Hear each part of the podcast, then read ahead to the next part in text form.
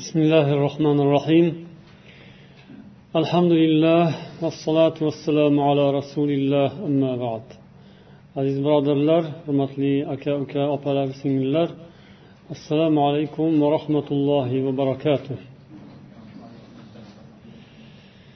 axloq mavzusidagi suhbatlarimizni allohga hamdu sanolar bilan davom ettiramiz bugun sizlar bilan inshaalloh yana bir odamiylik sifatlaridan hisoblangan ajoyib bir xislat haqida gaplashamiz. Biz odamiylik sifatlari deb aytyapmiz. Bu odamzodga xos bo'lgan uni boshqa mavjudotlardan boshqa maxluqotlardan ajratib farqlab turadigan sifatlarni odamiylik insoniylik deymiz odamgarchilik deymiz. Bu odamiylik sifatlari fazilat sanaladi xislat yaxshi sifatlar. Bularni ichida farzlari bor sunnatlari bor mustahablari bor. Endi ba'zi odamlar bunga uncha ahamiyat bermasliklari ham uchrab turadi hayotda. Ya'ni odamgarchilik insoniylik sifatlari bu ba'zi bir jihatlari farz bo'lmagani uchun ba'zi odamlar bunga e'tibor bermaydi. Ya'ni buni o'rganishga qiziqmaydi buni surishtirmaydi. Bu narsaning ma'nolari nima ekani bilan ortiqcha o'zini ovora qilgisi kelmaydi vaqtini qizg'anadi. Undan ko'ra boshqa ishlarni qilganim afzal deb biladi. Farz emasku deydi. Mana shunday odamga aytilsaki sizda odamgarchilik sal pastroq odamiylik sifatlari sizda kamroq desa u odam xursand bo'ladimi xafa bo'ladimi yoki indamay qo'ya qoladimi? Albatta xafa bo'ladi. Nimaga manda odamgarchilik kam ekan deydi. Nimaga endi insoniyligim nuqsonli ekan deydi. Holbuki o'zi aytadi masalan bu xislatlar axloq mavzusidagi ba'zi bir sifatlar bu farz emas. Buni qilmasa gunoh bo'lmaydi. Ba'zilari farzlari bor farz emaslari bor mustahablari bor. O'shanday odamgarchilik deb qo'yiladi uni. Odamiylik xislatlari taqozo qiladi ba'zi bir sifatlarni. Ularni mustahab deyiladi. Ya'ni qilsa savob qilmasa gunoh emas. Shuning uchun odamlar gunoh emasku bu harom emasku shuni qilmasa deb beparvo bo'lib ketaveradi. O'shanday holatlarni nazarda tutib sizni odamgarchilik sal pastroq darajasi desangiz xafa bo'lasiz o'zi qilmasligi bor e'tibor bermasligi bor lekin uning bahosi chiqqan mahalda odamlar undan norozi bo'ladi. Xuddi yosh bolaga o'xshab bola o'zi o'qimaydi. Yoki kattalarda ham bo'ladi bu endi. Studentlarda. Darsni yaxshi tayyorlamaydi. O'qimagani tayyorlamagani bu hech narsa emasda lekin unga past baho qo'yilsa keyin xafa bo'ladi. O'sha yuzlarida o'zgarish paydo bo'ladi. To o'sha baho olmaguncha ham o'shanday o'sha odam shu edi. Baho olmasdan avval boshqa odamni baho olgandan keyin boshqa odam bo'lib qolmaydiku. O'sha o'sha. Baho olgandan avvali ham keyin ham o'sha lekin nima uchundir odamzod shunaqaki baho olgan paytda yo xursand bo'lib ketadi yo xafa bo'lib ketadi. Shunga o'xshab sizda odamgarchilik kamroq odamiylik sifatlari uncha rivojlanmagan desangiz xafa bo'lib ketadi. Holbuki o'sha o'sha. Vaholanki u odam haqiqatdan unga e'tibor bermaydi. Odamiylik suhbatlari desak ham bo'ladi bizning suhbatlarimizni. ya'ni ko'pi shunga bag'ishlanadi va bu insonni kamolotga yetaklaydigan da'vatlar va bu hammamizni iymonimizni kamolot sari turtkilaydigan va shunga muvaffaq qiladigan sabab omil bugun inshaalloh ana shunday sifatlardan biri haqida gaplashamiz bu saxovat haqida bo'ladi السخاء لغة مصدر قولهم سخا يسخو ويسخي Arab tilida assaho deyiladi. Saxovat ham arab tilida. Buning masdari saho saho yashu fe'lidan olingan masdar. Buning fe'li saho yashu as saho masdar ya'ni saxovat qilish degani ya vov mana shu uchta yoki to'rtta harf buning asosini tashkil qiladi. Sin ho yo ba'zan vovga almashib keladi.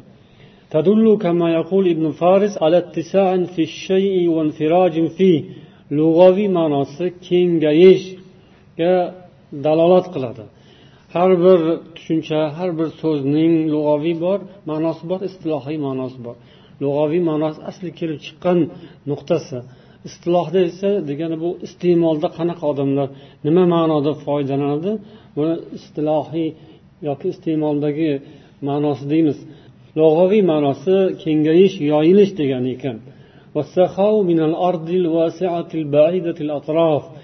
Yerda yerga ham shunday sifat beriladi. Ba'zida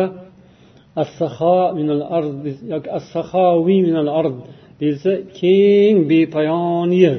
Uni chegarasi ko'rinmagan yerni ham mana shu sifat bilan atashadi lug'aviy jihatdan. Endi yana bunga ilovatan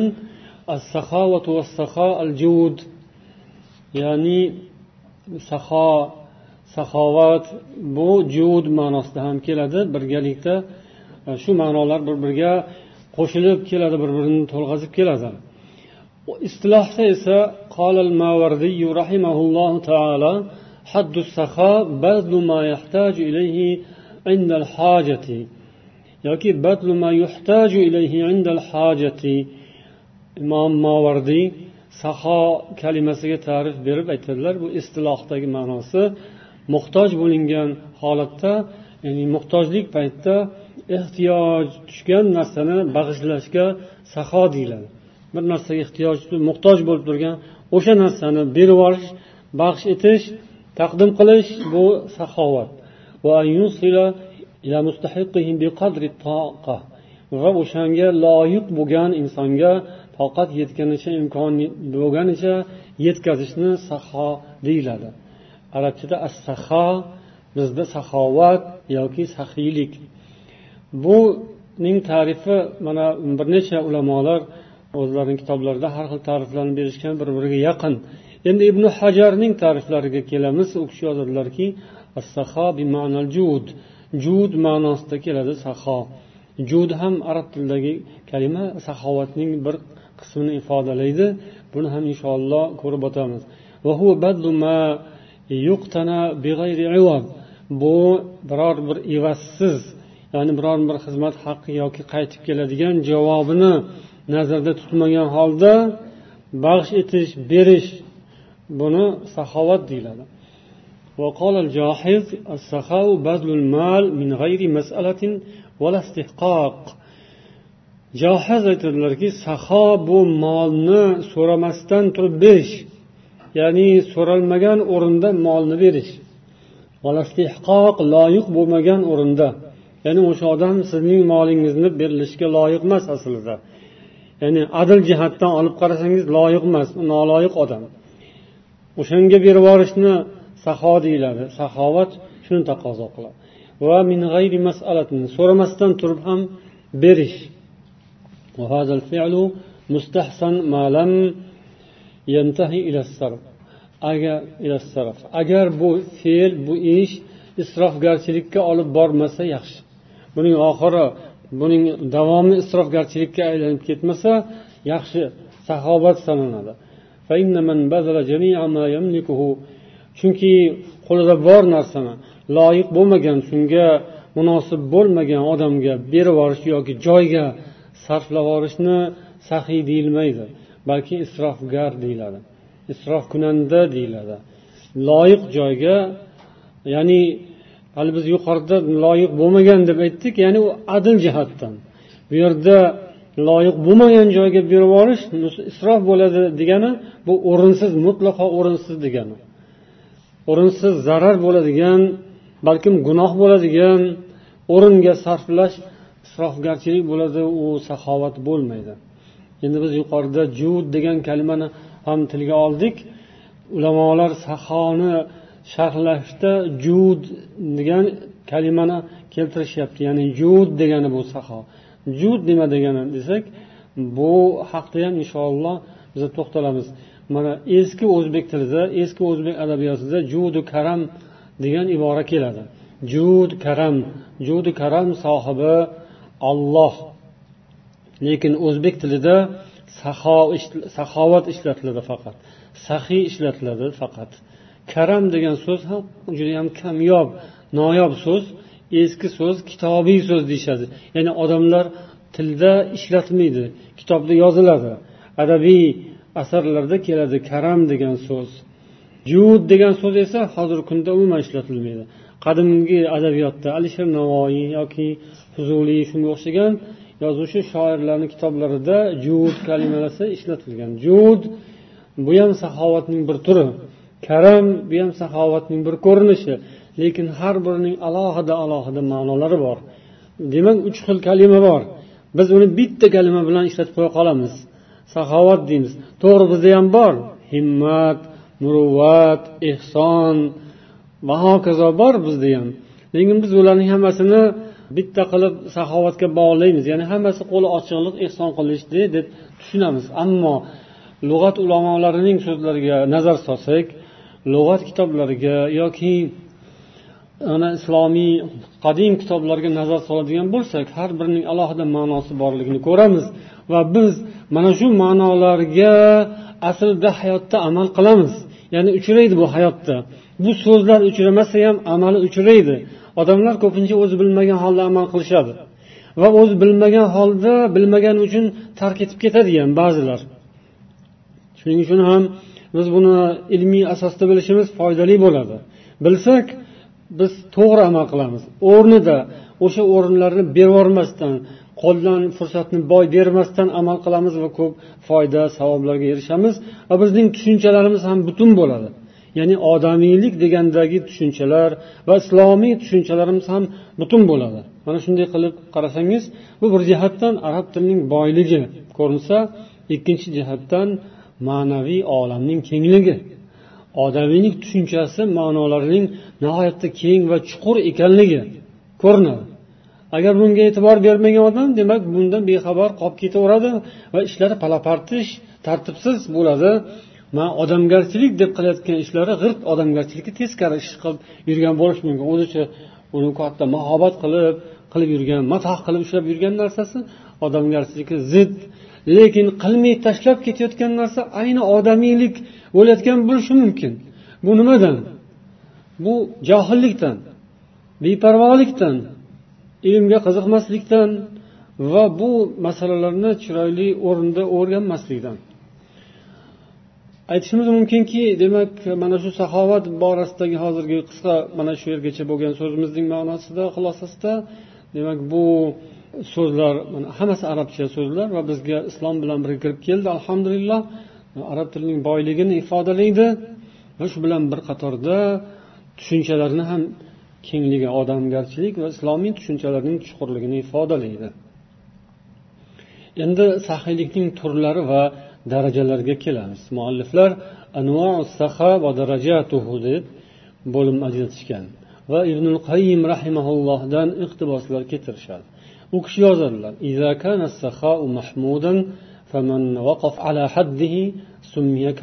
madomiki saho bu maqtaladigan yaxshi sifat ekan buni haddida turgan odam shuni haddini chegarasini bilgan odam karim deb nomlanadi. Ya'ni arab tilida karim degani sahiy degani. Bizda sahiy deymiz. Arab tilida sahiy ham ishlatiladi va karim ham ishlatiladi. Karim bo'ladi o'sha odam ya'ni olijanob odam degani saxovatli odam degani va u maqtovga sazovor bo'ladi. Kimki saxovatni qoidasini bilmasa va uning qoidasiga zid ish qilib qo'ysa nuqsonga yo'l qo'ysa uning oti baxil bo'ladi. Va u qoralovga loyiq bo'ladi tanqidga sazovor bo'ladi ibn qayim rahimaulloh yozadilar saxo ikki turli bo'ladi eng ulug'i sendan boshqa odamning qo'lidagi narsadan saxovat qilishing sendan boshqa odamning qo'lidagi narsaga saxiy bo'lishing yoki undan saxiy bo'lishing ikkinchi o'rinda turadigan saxovat o'zingning qo'lingda bo'lgan narsani berishing. O'zingni ixtiyoringda bo'lgan narsani berishing ikkinchi o'rindagi saxovat. Faqat rajulu ba'zan odam eng saxiy odam bo'lishi mumkin. Va huwa la shay'an. U hech narsa bermasligi ham mumkin. Undan biror narsa chiqmagan holda ham saxiy bo'lishi mumkin. Chunki u boshqaning qo'lidagi narsadan saxiy bo'ldi boshqaning qo'lidagi narsaga umuman ahamiyat bermadi ko'z tikmadi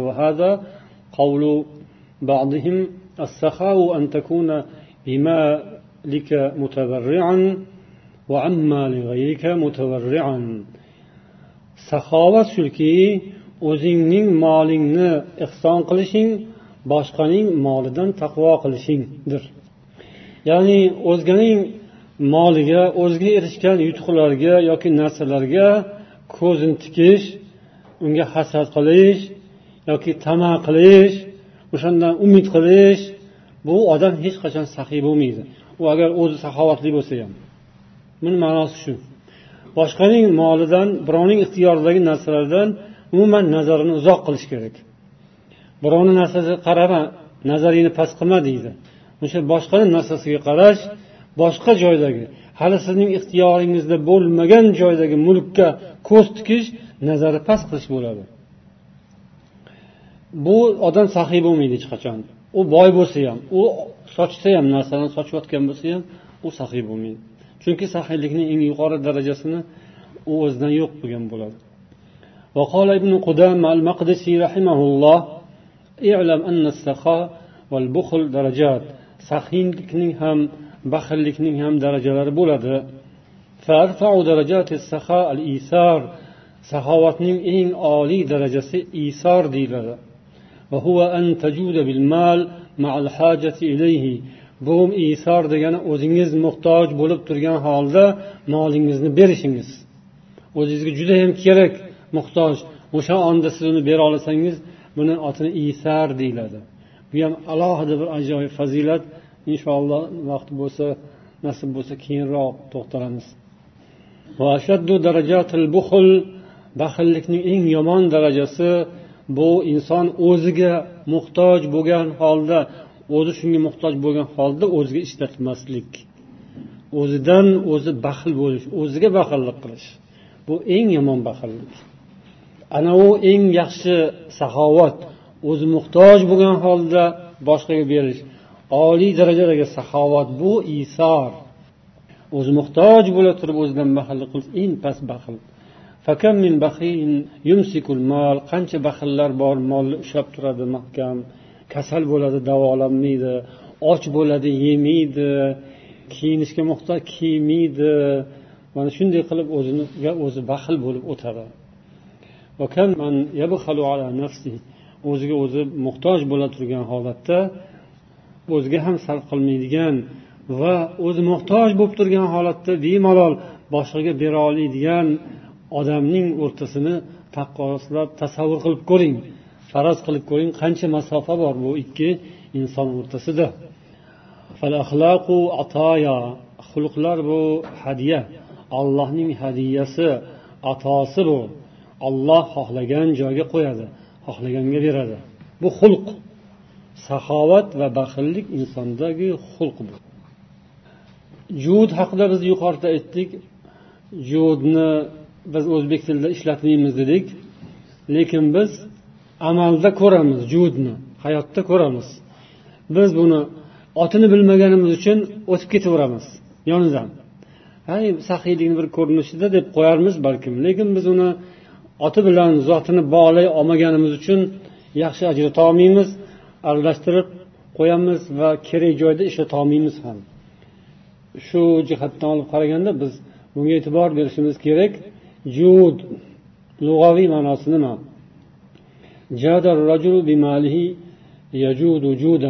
Bu ham saxovat qildi muruvvat qildi molini berdi degan ma'nolarda keladi.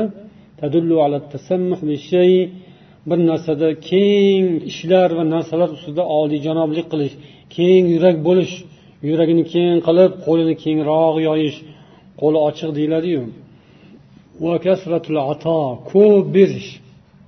Saxiy endi berish lekin jud bu berishdan ham berishni ham berish bo'lar ekanda ya'ni ko'p berish doim beradigan doim ehson qiladigan odam kasratul ata rajulun javad deyiladi.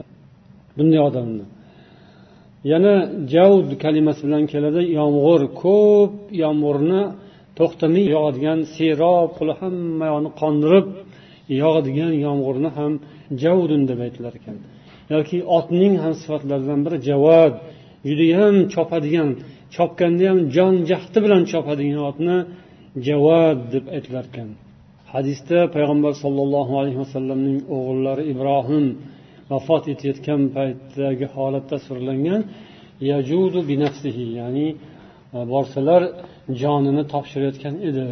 Shu yerda jud kalimasi ishlatilgan ya'ni butun vujudini taslim qilish jonini allohga taslim qilish bu o'rinda ham jud kalimasi ishlatilgan. Endi istilohiy ma'nosida tahovuniy aytadilarki ifadatu ma yanbaghi la li li li bir berish lozim bo'lgan narsani evazsiz va g'arazsiz berish. Biron bir narsa evaz qaytmaydi uni o'rniga evaziga yani rahmat ham yo boshqa narsa ham. G'araz ham yo'q hech qanday dunyoviy g'araz boshqasi yo'q. Jurjoniy aytadilarki masalan bir odam kitobini bir kishiga bersa o'zining ahlidan bo'lmagan yoki ahlidan bo'lgan dunyoviy g'araz uchun yoki uxroviy g'araz maqsad uchun bersa bu odam jud deb aytilmaydi ya'ni haqiqiy saxovatli odam bo'lmaydi قال الزبيدي الجواد هو الذي يعطي بلا مسألة صيانة للآخذ من ذل السؤال جود جواد shuki bir odam bir narsani so'ramasdan turib berish shi javob bo'ladi. Ya'ni saxiy odam so'raganda beradi. So'ramasa ham beradiku lekin so'raganda berish saxiylikka kiradi. Baxil odam so'rasa ham bermaydi. Lekin javod odam esa ya'ni jud sifatiga ega bo'lgan odam so'ramasdan turib beradi. So'ramasa ham beraveradi. Bu olayotgan odamni so'rash tilash so'rash xorligidan saqlash uchun berayotgan odam olayotgan odamni xorlikdan saqlash uchun ya'ni olish xorligi bor nauzubillah. O'shandan saqlash uchun javod odam beraveradi ya'ni so'rattirmasdan so'rashga olib kelmasdan beradi.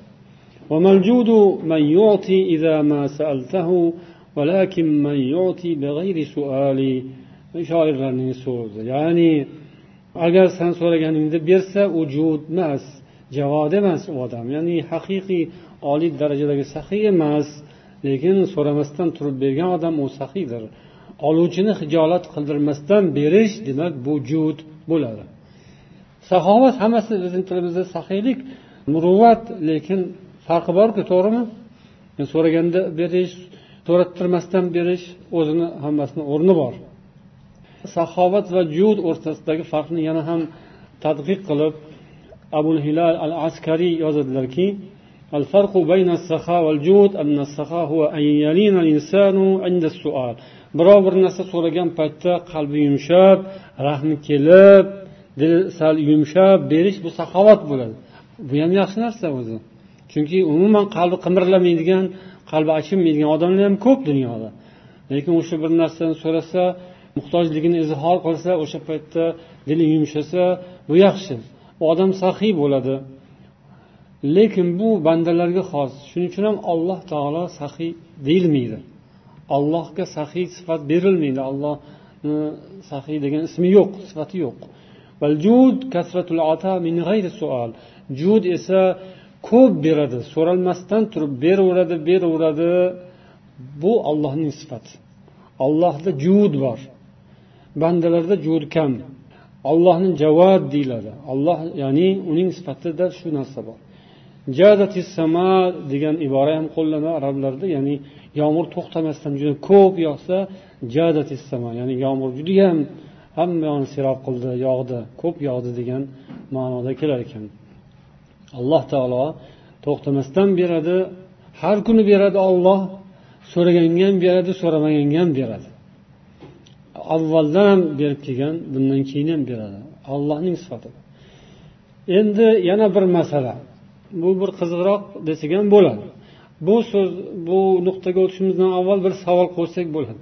Oluvchi saxiy bo'lishi kerakmi yoki beruvchi saxiy bo'lishi kerakmi degan bir savol qo'ysak bo'ladi. Hozir biz bir hadisni keltiramiz. O'sha hadisdan buning javobi chiqadi. Lekin u javob chiqishdan oldin biz savolni bir o'rtaga qo'yganimiz yaxshi bo'ladi. Oluvchi saxiy bo'lishi kerakmi beruvchi saxiy bo'lishi kerak. Buni javobi tayin to'g'rimi? Nima? Ikkovi ham. Hozir bu yerda bir gap bo'lsa kerak deb bilib qoldingizda shuning uchun ikkovi ham deyapsiz a odatda beruvchi saxiy bo'lishi kerak deyiladi. Hammamiz beruvchi saxiy bo'lishini bilamiz. Saxiy bo'lishi kerakligini saxiy bo'lib bergin deyishni. Lekin oluvchi ham saxiy bo'lishi kerak ekanmi degan savol tug'iladi bu yerdan. va ha deb javob bersak bo'ladi. Oluvchi saxiy bo'lishi kerak. Qanaqa saxiy bo'lishi kerak? An hakim ibn hizam roziyallohu anhu hakim bin hizam roziyallohu anhudan rivoyat bu hadis buxoriy va muslimda kelgan. U kishi aytadilarki saaltu rasulullohi sollallohu alayhi vasallam faatoni rasulullohdan so'radim ya'ni yordam muruvvat so'radim ehson so'radim berdilar. Keyin yana so'radim yana berdilar. Keyin yana so'radim yana berdilar. Ya hakim dedilar rasululloh. Ey hakim bu mol degan narsa shunaqa bir chiroyli yaltiroq jozibador va shirin. Ya'ni odamlarga ko'zingiz ham quvonadi yesangiz nafsingiz ham xursand bo'ladi. Hamma tomoni shu mol shunday. Ya'ni ikki tomonla ko'rinishi ham o'zi mazasi ham shunaqa shirin narsa. Kimki molni o'zi nafsi tabiati saxiy bo'lgan holda olsa unga baraka kiradi. Barakali bo'ladi shu mol dedilar.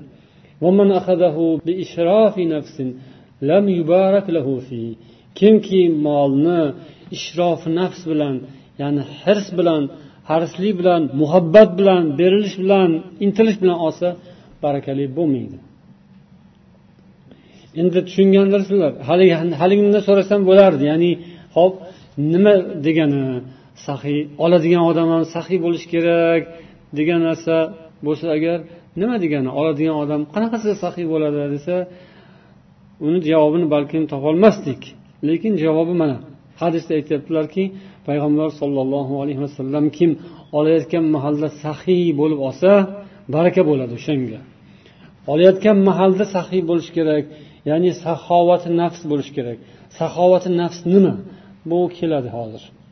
Agar olayotgan mahalda ishrof bilan olsa berilib olsa ko'nglidan nafsdan tabiatan berilib olsa bu saxiy bo'lmaydi. Bu odam saxovatli emas. shunda hakim aytdilar faqultu ya rasululloh والذي بعثك بالحق لا أرزأ أحدا بعدك شيئا حتى أفارق الدنيا يا رسول الله sizni haq din bilan yuborgan zotga qasamki mana shundan keyin to o'lgunimcha dunyodan ketgunimcha biror insonning molini kamaytirmayman ya'ni biron bir insonning molini olmayman hech kimdan bir narsa olmayman dedilar فكان أبو بكر رضي الله عنه يدعو حكيما abu bakr roziyallohu anhu o'zlarining xalifalik davrlarida hakimni chaqirardilar u atosini ya'ni baytul moldan beriladigan ulushini olishga bosh tortardi olishdan bosh tortdi ثم إن عمر رضي الله عنه دعاه ليعطيه فأبى أن يقبل منه شيئا umar roziyallohu anhu xalifa bo'lgan davrlarda ham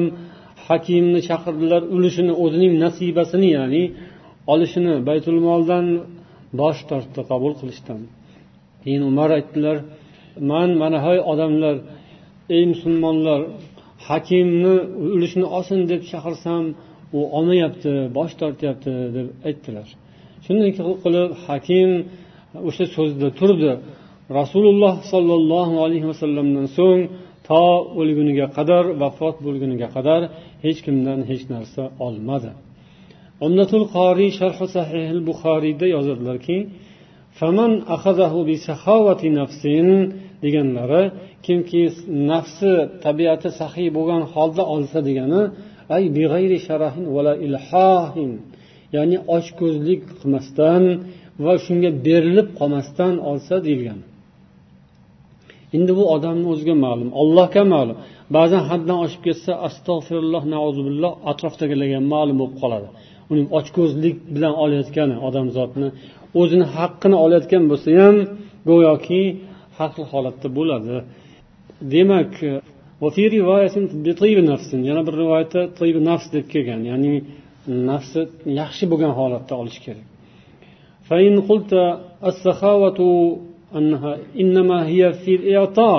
Saxovat bu berishda bo'ladiku desang olishda emas berishda bo'ladiku desang bunga javob shuki deydilar muallif biza boshida saxovatning lug'aviy ma'nosi nima dedik? Kengayish dedik. Kenglik va suhulat yengillik osonlik degani aslida bu. قال القاضي فيه احتمالان ikkita ehtimoli bor bu so'zni deydilar qozi iyaz أظهرهما أنه عائد إلى الأخذ أي من أخذه بغير حرص وطمع وإشراف عليه hirs bilan yoki tamagirlik bilan olmasa o'shanda bu saxovati nafs bo'ladi saxovat mana kenglik dedik uning yuragi keng dili keng qalbi keng uning tushunchalari tasavvurlari ham keng uni Olayotgan mahalda shuni olmasam har balo bo'ladi. Shuni olmasa xuddi och qoladi shu ochdan o'ladi. Mana shu hozir xuddi jon mana shu yerda turibdi. O'shani tez olish kerak olganda. Mahkam ushlash kerak deganday emas. Uni olsayu olmasa jonim ollohning qo'lida. Uni hozir bersayu bermasa hozir fikri o'zgarib qolsam berayotgan mahalda yo shoshma tur hozir bir fikr kelib qoldi deb qolishi ham mumkinu. Shunaqa bo'lsa ham mabodo ollohning qo'lida rizqim ollohni qo'lida. Yozib qo'ygan olloh mani yaratmasdan oldin yozgan rizqni ona qornida yana qaytarib yozgan bir marta azalda yozgandan keyin ona qornida yana yozgan. Takror takror yozilgan bu rizq qochib ketmaydi bu boshqaga ketib qolmaydi. Yetib keladi olloh yozgan joyiga egasiga keladi. Degan bu kenglik ya'ni yurakning kengligi bo'lishi kerak. Ovutgan mahalda shu ma'noda agar u ochko'zlik tamagirlik bo'ladigan bo'lsa unda u odamga bu baraka qilmaydi. Rasululloh sollallohu alayhi vasallam haqlarida ko'p hadislarda kelgan u zotning qanday inson bo'lganlari. Payg'ambar alayhissalom haqlarida jabir ibn abdulloh aytadilarki rasululloh sollallohu alayhi vasallam shayan qattu biror marta rasululloh sollallohu alayhi vasallamdan biror narsa so'ralganda yo'q demadilar. Biror bir holat bo'lmaganki so'ralsa yo'q desalar unday bo'lmagan. Yana anas roziyallohu anhudan rivoyat qilinadi. Bir odam payg'ambar sollallohu alayhi vasallamdan narsa so'radi. Sollallohu alayhi vasallam jabalayn. Payg'ambar alayhissalomdan bir odam ikki tog' o'rtasida qo'y so'radi shuni rasululloh berdilar ikki tog' orasida qo'y u qancha bo'ladi yani bir yaylov bir dara qo'y u tog' bilan u tog'ni orasida to'la qo'yni so'radi rasululloh berdilar keyin u o'zining qavmiga keldi bu odam kofir odam edi o'sha paytda ay qavm أسلموا فوالله إن محمدا ليعطي عطاء ما يخاف الفقر ey qavmim musulmon bo'linglar musulmon bo'linglar bu muhammad shunaqa kambag'al bo'lib qolishdan qo'rqmaydigan odam ekan beradigan bo'lsa kambag'al bo'lib qolamanku deb qo'rqmasdan beradigan odam bu buni diniga kiringlar dedi odamlar shunday mana bu hadisning sharhida al mufhim lima ashkala min talxisi kitabi muslimda yozadilarki muallif أن الرجل كان يدخل في دين الإسلام رغبة في كثرة العطاء odamlar shunday bo'lardiki ba'zilari islomga kirganda ko'p narsa kelishini ko'zlab kirardi ko'p daromad bo'ladi ko'p pul keladi degan ko'p molga ega bo'lamiz degan maqsad bilan kirardi rasululloh ham shuni bilib berardilar shunaqa odamlarga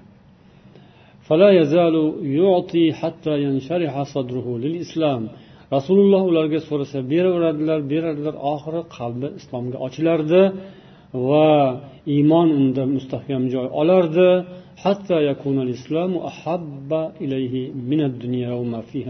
To shunday oxiri shunday bo'lardiki islom u odam uchun bu dunyo va dunyodagi hamma narsalardan ham ko'ra mahbubroq narsaga aylanar edi. O'sha odam yani safvon edi deyishadi. Keyinchalik hikoya qiladiki mana shu muhammad sollallohu alayhi vasallam menga dunyodagi eng yomon odam edi. Eng yomon ko'rgan odamim shu edi. Lekin bu fama manga beraverdi beraverdi beraverdi. Oxiri dunyoda eng yaxshi ko'rgan odamimga aylandi deb rivoyat qilgan. Jobir ibn abdulloh rivoyat qiladilar roziyallohu anhu bir kuni rasululloh sollallohu alayhi vasallam manga dedilar قد جاءنا مال البحرين لقد أعطيتك هكذا وهكذا وهكذا agar bahrayndan mol kelsa senga mana buncha mana buncha mana buncha beramiz dedilar ya'ni ikkita qo'llari bilan ko'rsatib hammasini dedilar mancha mancha deb hammasini dedilar فقبض النبي صلى الله عليه وسلم قبل أن يجيء مال البحرين u bahrayndan kutilgan mol kelmasdan oldin rasululloh sollallohu alayhi vasallam vafot etdilar فقدم على أبي بكر بعده abu bakr e, roziyallohu anhu rasulullohdan keyin xalifa bo'ldilar va munodiyga nido aytdilar buyurdilar ya'ni e'lon qiluvchi yoki jarchi. Keyin u hammaga e'lon qildi. Kimning payg'ambar sollallohu alayhi vasallam ustlarida biror narsasi bo'lsa qarz u zotda agar kimdandir olingan qarz bo'lsa yoki kimgadir qilgan va'dalari bo'lsa kelsin deb chaqirdilar nido qilib e'lon qildilar. Faqumtu faqultu. Jabir aytadilarki man o'rnimdan turib aytdim shu gapni. Ya'ni payg'ambar sollallohu alayhi vasallam aytuvdilar agar bahraynning moli kelsa bahraynda bahrayndan mol keladigan bo'lsa senga mana buncha mana buncha mana shuncha beraman degandilar dedi. Abu bakr marratan keyin abu bakr roziyallohu anhu chaqirib aytdilarki bo'pti ol mana uni dedilar. Keyin olib sanadilar sanadim dedilar. besh yuz chiqdi dedilar. Bu hadisning sharhida muslimning sharhida yozadilarki ala saxovati nafsi nabiy sollallohu alayhi vasallam bu payg'ambar sollallohu alayhi vasallamning nafslari tabiatlarining saxiyligiga saxovatiga dalolat qiladi. Mol dunyo masalasida. Endi u mol dunyo payg'ambarni o'zlanikimidi degan savol ham tug'iladi. U zotga kelgan.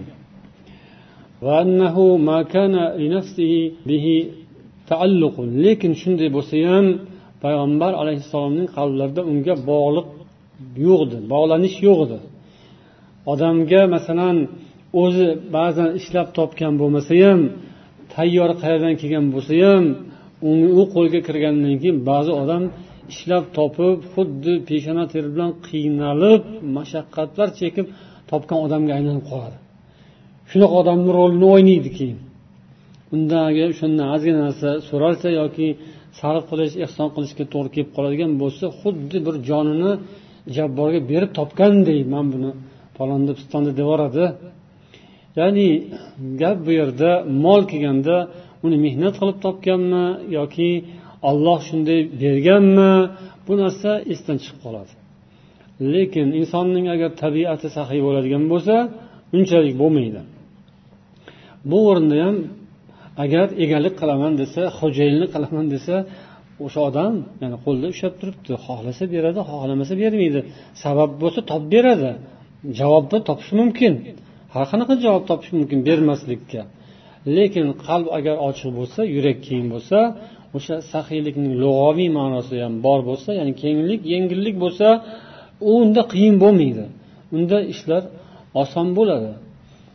Mana shu jihatda ham masalan ba'zi bir qo'lida mulk qo'lida davlat qo'lida hokimiyat qo'lida ancha muncha ishlarni hal qilish imkoniyati bo'lgan odamlar uchun bu judayam ibratli narsada o'shalar o'zi saxiy bo'lishi kerak.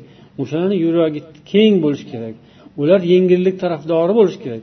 Lekin afsuslar bo'lsinki qo'lida davlat ushlab turgan hukumatni minib turgan odamlar jamiyatni ustida turgan odamlar ko'pincha baxil bo'ladi. O'zi ishlab topmagan pulga baxillik qiladi. Xalqning boyligiga baxil bo'ladi. Davlatning boyliklariga olloh yaratib qo'ygan tabiiy boyliklarga olloh uni vaqtincha ega qilib qo'ygan xazinalarga shunaqa bir baxil bo'ladi shunaqa xasis bo'ladiki dunyoni o'shalar kulfatga ko'madi endi. O'shalarning kulfati kasofati tufayli mamlakat xarob bo'ladi. Odamlar qiynaladi mashaqqat chekadi. Insonda katta bo'lsa saxovati ham kattaroq bo'lishi kerak. Qo'lidagi moli dunyosi kattalashgan sayin uning saxovati ham uning yuragi ham kengayib borishi kerak. Imkoniyatlari shunda rivojlanadi kengayadi. Abu bakr roziyallohu anhu u zot ham payg'ambar sollallohu alayhi vasallamning sunnatlarini davom ettirdilar. U zotdagi xulq ham shunday edi. Ya'ni ol dedilar sanamasdan berdilar. Yana mualliflar shorihlar yozishadiki haligi hadisning sharhida payg'ambar sollallohu alayhi vasallam qalblari bilan o'sha huzurlarida ixtiyorlarida turgan mol dunyoga bog'lanib qolmasdilar va u molni sanamasdilar hammamiz sanaymiz hozirgi kunda sanamasa bo'lmaydi hisob kitob qilmasa bo'lmaydi hali aytildiyu hadisda ya'ni mana shuncha mana shuncha mana shuncha ikkita qo'llari bilan ishora qildilar sanamadilar deyishadi olganlarni ham berganlarni ham sanamasdilar وهذا منه صلى الله عليه وسلم kana vadan jabir roziyallohu anhu o'sha jobirga va'da qilganlarida sanga shunchama shuncha beramiz dedilarda sanamagandilar abu bakr siddiq ham shunday qildilar sanab o'tirmadilar ola qol dedilar keyin uni olgan odam o'zi sanadi sanaganda qancha chiqqanini aytdi aytish mumkin olgan berayotganda sanamaslik boshqa olganda sanamaslik boshqa shekilli deb olganda sanamasdan olish yaxshi demas hech kim endi ya'ni olganda sanamasdan olish deganini ma'nosi nima bu? Ha? Nima bu? Buni saxovatga bog'liq joy bormi yo'qmi nima joyi bor?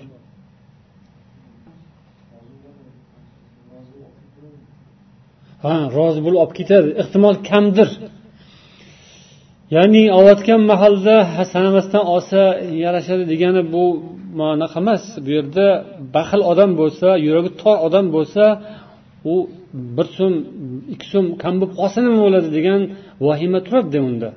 Bir ikki dollar yoki bir yuz dollar narisi bersa kam bo'lib qolsa nima bo'ladi? Uning uchun osmon uzilib tushmasa ham uyi uzilib tushishi mumkinda go'yoki shuning uchun u sanamasdan olmaydi. Bu hali aytdimu hamma ham shunaqa. Lekin lekin bu yerda ibratli tomoni shuki mabodo shunaqa oz kam ozginasi nariga berigi o'tib ketib qoladigan bo'lsa uni zarari yo'q degan narsaga ko'nish ko'nish kerak shunga berganda ham ko'p ketib qolayotgan bo'lsachi olayotganda kam kelib qolayotgan bo'lsachi kamaytirib bergan bo'lsachi degan vahimani tagida qolib o'zingizni ham boshqani ham qiynab nima qilasiz deganday so'z bu. Rasululloh sollallohu alayhi vasallam shuning uchun olganda ham berganda ham sanamasdilar chamalab turib berardilar عن أبي هريرة رضي الله عنه قال جاء رجل إلى رسول الله صلى الله عليه وسلم قال إني مجهود bir kuni payg'ambar sollallohu alayhi vasallam huzurlariga bir odam qiynalgan odam keldi judayam och qolgan odam och qolgan odam o'sha zamonning holati payg'ambar alayhissalom ayollardan birining oldiga jo'natdilar biror bir taom yegulik bormi deb Ayollar aytdilarki sizni haq din bilan yuborgan ollohga qasamki manda hozir ozgina suv bor xolos. Ya'ni yegulik hech narsa yo'q. Keyin boshqa bir ayollarga yubordilar u kishi ham xuddi shu gapni aytdilar. Ayollarning hammasiga yuborib chiqdilar. Nima bor yegulik? Hammasida javob bir xil bo'ldi. Faqat suv xolos boshqa hech narsa yo'q. Keyin aytdilar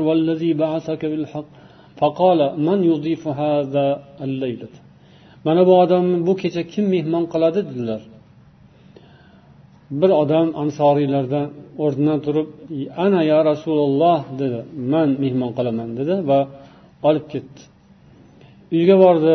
Keyin ayoliga aytdi qani biron bir yegulik bormi? Mehmon keldi. Ayollar aytdiki la illa qutu sibyani yo'q faqat bolalarga beradigan ovqatimiz bor. Bolalarni ovqati qola u bolalarni bir narsa qilib ovutib turgin. Mehmonimiz kirgan mahalda chiroqni o'chirgin. Va taomni qo'yganda biz xuddi ovqat yeganday bo'lib turamiz. Shunday qilib mehmon kelgandan keyin chiroqni o'chirishdi va taomni qo'yishdi o'tirishdi ovqat yeyotganday bo'lishdi. Mehmon ovqatni yedi bular esa ovqat yeyotganday bo'lib o'zlarini shunday qilib turishdi ko'rsatib turishdi qorong'ida. Keyin tong otgandan keyin payg'ambar sollallohu alayhi vasallam oldilariga kelishdi. Payg'ambar alayhissalom bu holatdan xabardor edilar. Olloh bildirgan edi. Siz ikkingiz ya'ni er xotin bu kecha mehmoningizni qilgan muomalangizdan olloh taajjublandi dedilar. Ya'ni olloh rozi bo'ldi.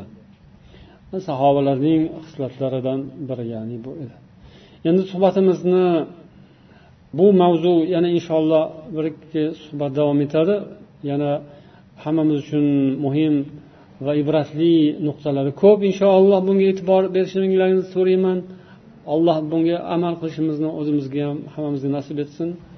Bu saxiylik saxovat bu odamiylikning bir bo'lagi dinimizning ham muhim bir qismi.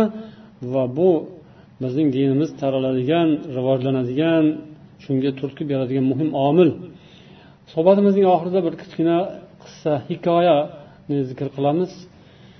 Ibn qudoma rahimaulloh rivoyat qiladilar abdulloh ibn jafar o'zlarining hojatlari bilan yo'lga chiqdilar. Yo'lda ketayotib bir xurmozor boqqa ro'bara keldilar. Xurmozor bog'ini oldidan o'tib ketayotsalar bir qora tanli qul shu yerda ishlab yurgan ekan. Ya'ni bog'ning qorovuli bog'ga qaraydigan bola. Shunda bir mahal bir it paydo bo'ldi. Haligi bola ovqatlanadigan payti ekan. Ya'ni qorni ochgan mahal. Bir it kelib qoldi. U bola qo'lida kulchasi bor ekan. Uch dona kulcha bor ekan. Kulchani bittasini tashladi itni oldiga tashladi it haligi kulchani yeb bo'ldi. Keyin qarab turdi. Ikkinchi kulchani ham tashladi uni ham yeb qo'ydi birpasda keyin uchinchi kulchani ham tashladi uni ham yeb qo'ydi. Keyin bu ishdan abdulloh bin jafar hayron bo'ldilar. Keyin so'radilar haligi bolaga kelib ya g'ulam kam qutuka kullayam bir kunda sening taoming yoki senga xo'jayining beradigan sani bir kunlik xizmat haqing mana qancha deb so'radilar. Mana hozir ko'rganingiz dedi. Ya'ni bir kunlik xizmat haqi uch dona kulcha ekan.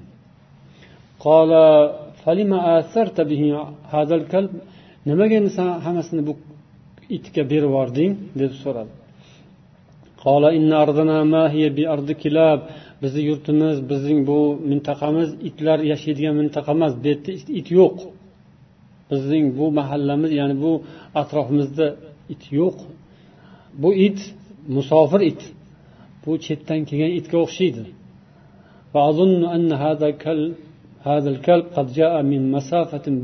Uzoq joydan kelganga o'xshaydi. Och kelgan yo'l yurib och kelgan. Shuning uchun uni man shu och holda qoldirishni yoqtirmadim. Shuni xohlamadim. Shu it yesin deb berdim dedi. endi o'zing nima qilasan deb so'radilar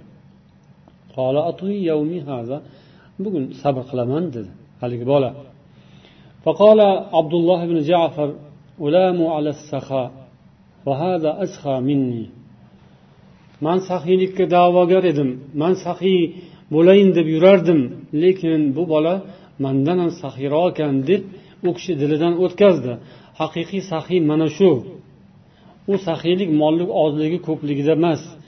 Ya'ni ehsonni kattasida kichkinasida emas balki qalbda insonning niyatida dilida. Uning shu moli dunyoga bo'lgan munosabatida u bolaning moli dunyosi o'zi.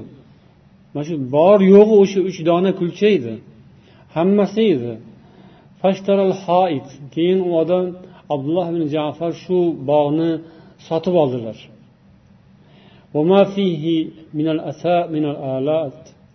O'sha bog'ni hamma narsasini ham. Bog'ni ham xizmatkorini ham hamma narsasini sotib olib keyin u bolani ozod qilib keyin u bolaga o'sha bog'ni hadya qildi ehson qildi. Al muntaqa min makarimil axloq lil degan kitobda.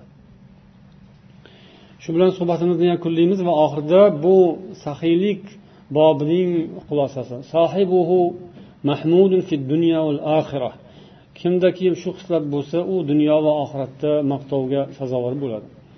Ikkinchisi dalil zuhud fi dunya va hubbil oxira saxiylik bu zuhudning alomati ya'ni zuhud dunyoga berilmaslik. Va hubbul oxira oxiratni yaxshi ko'rish. Oxiratni yaxshi ko'rgan odamda bo'ladi bu. Oxiratni yaxshi ko'rmay dunyoni yaxshi ko'rsa unga qiyin bo'ladi. Uchinchisi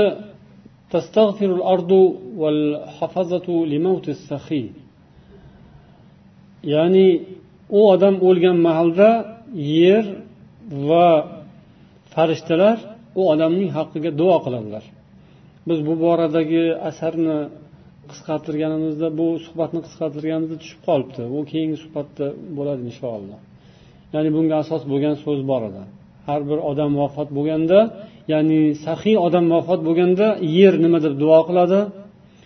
Va uning atrofida yurgan hamroh bo'lgan farishtalar borku har bir insonning atrofida farishtalar yurishadi.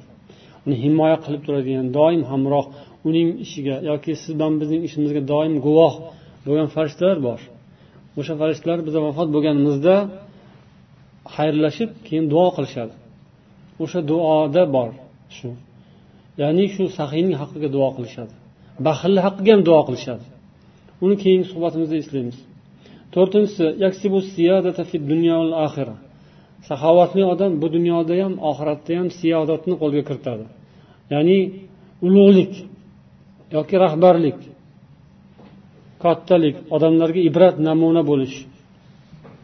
Beshinchisi tariqun min nabiyyin va salaf solih bu payg'ambarlarni va salafi solihlarning yo'llaridan biri. Alloh barchamizga shu yo'lni nasib etsin. Subhanakallohumma va bihamdik. Ashhadu an la ilaha illa anta astag'firuka va atubu ilayk. Assalomu alaykum va rahmatullohi va barakatuh.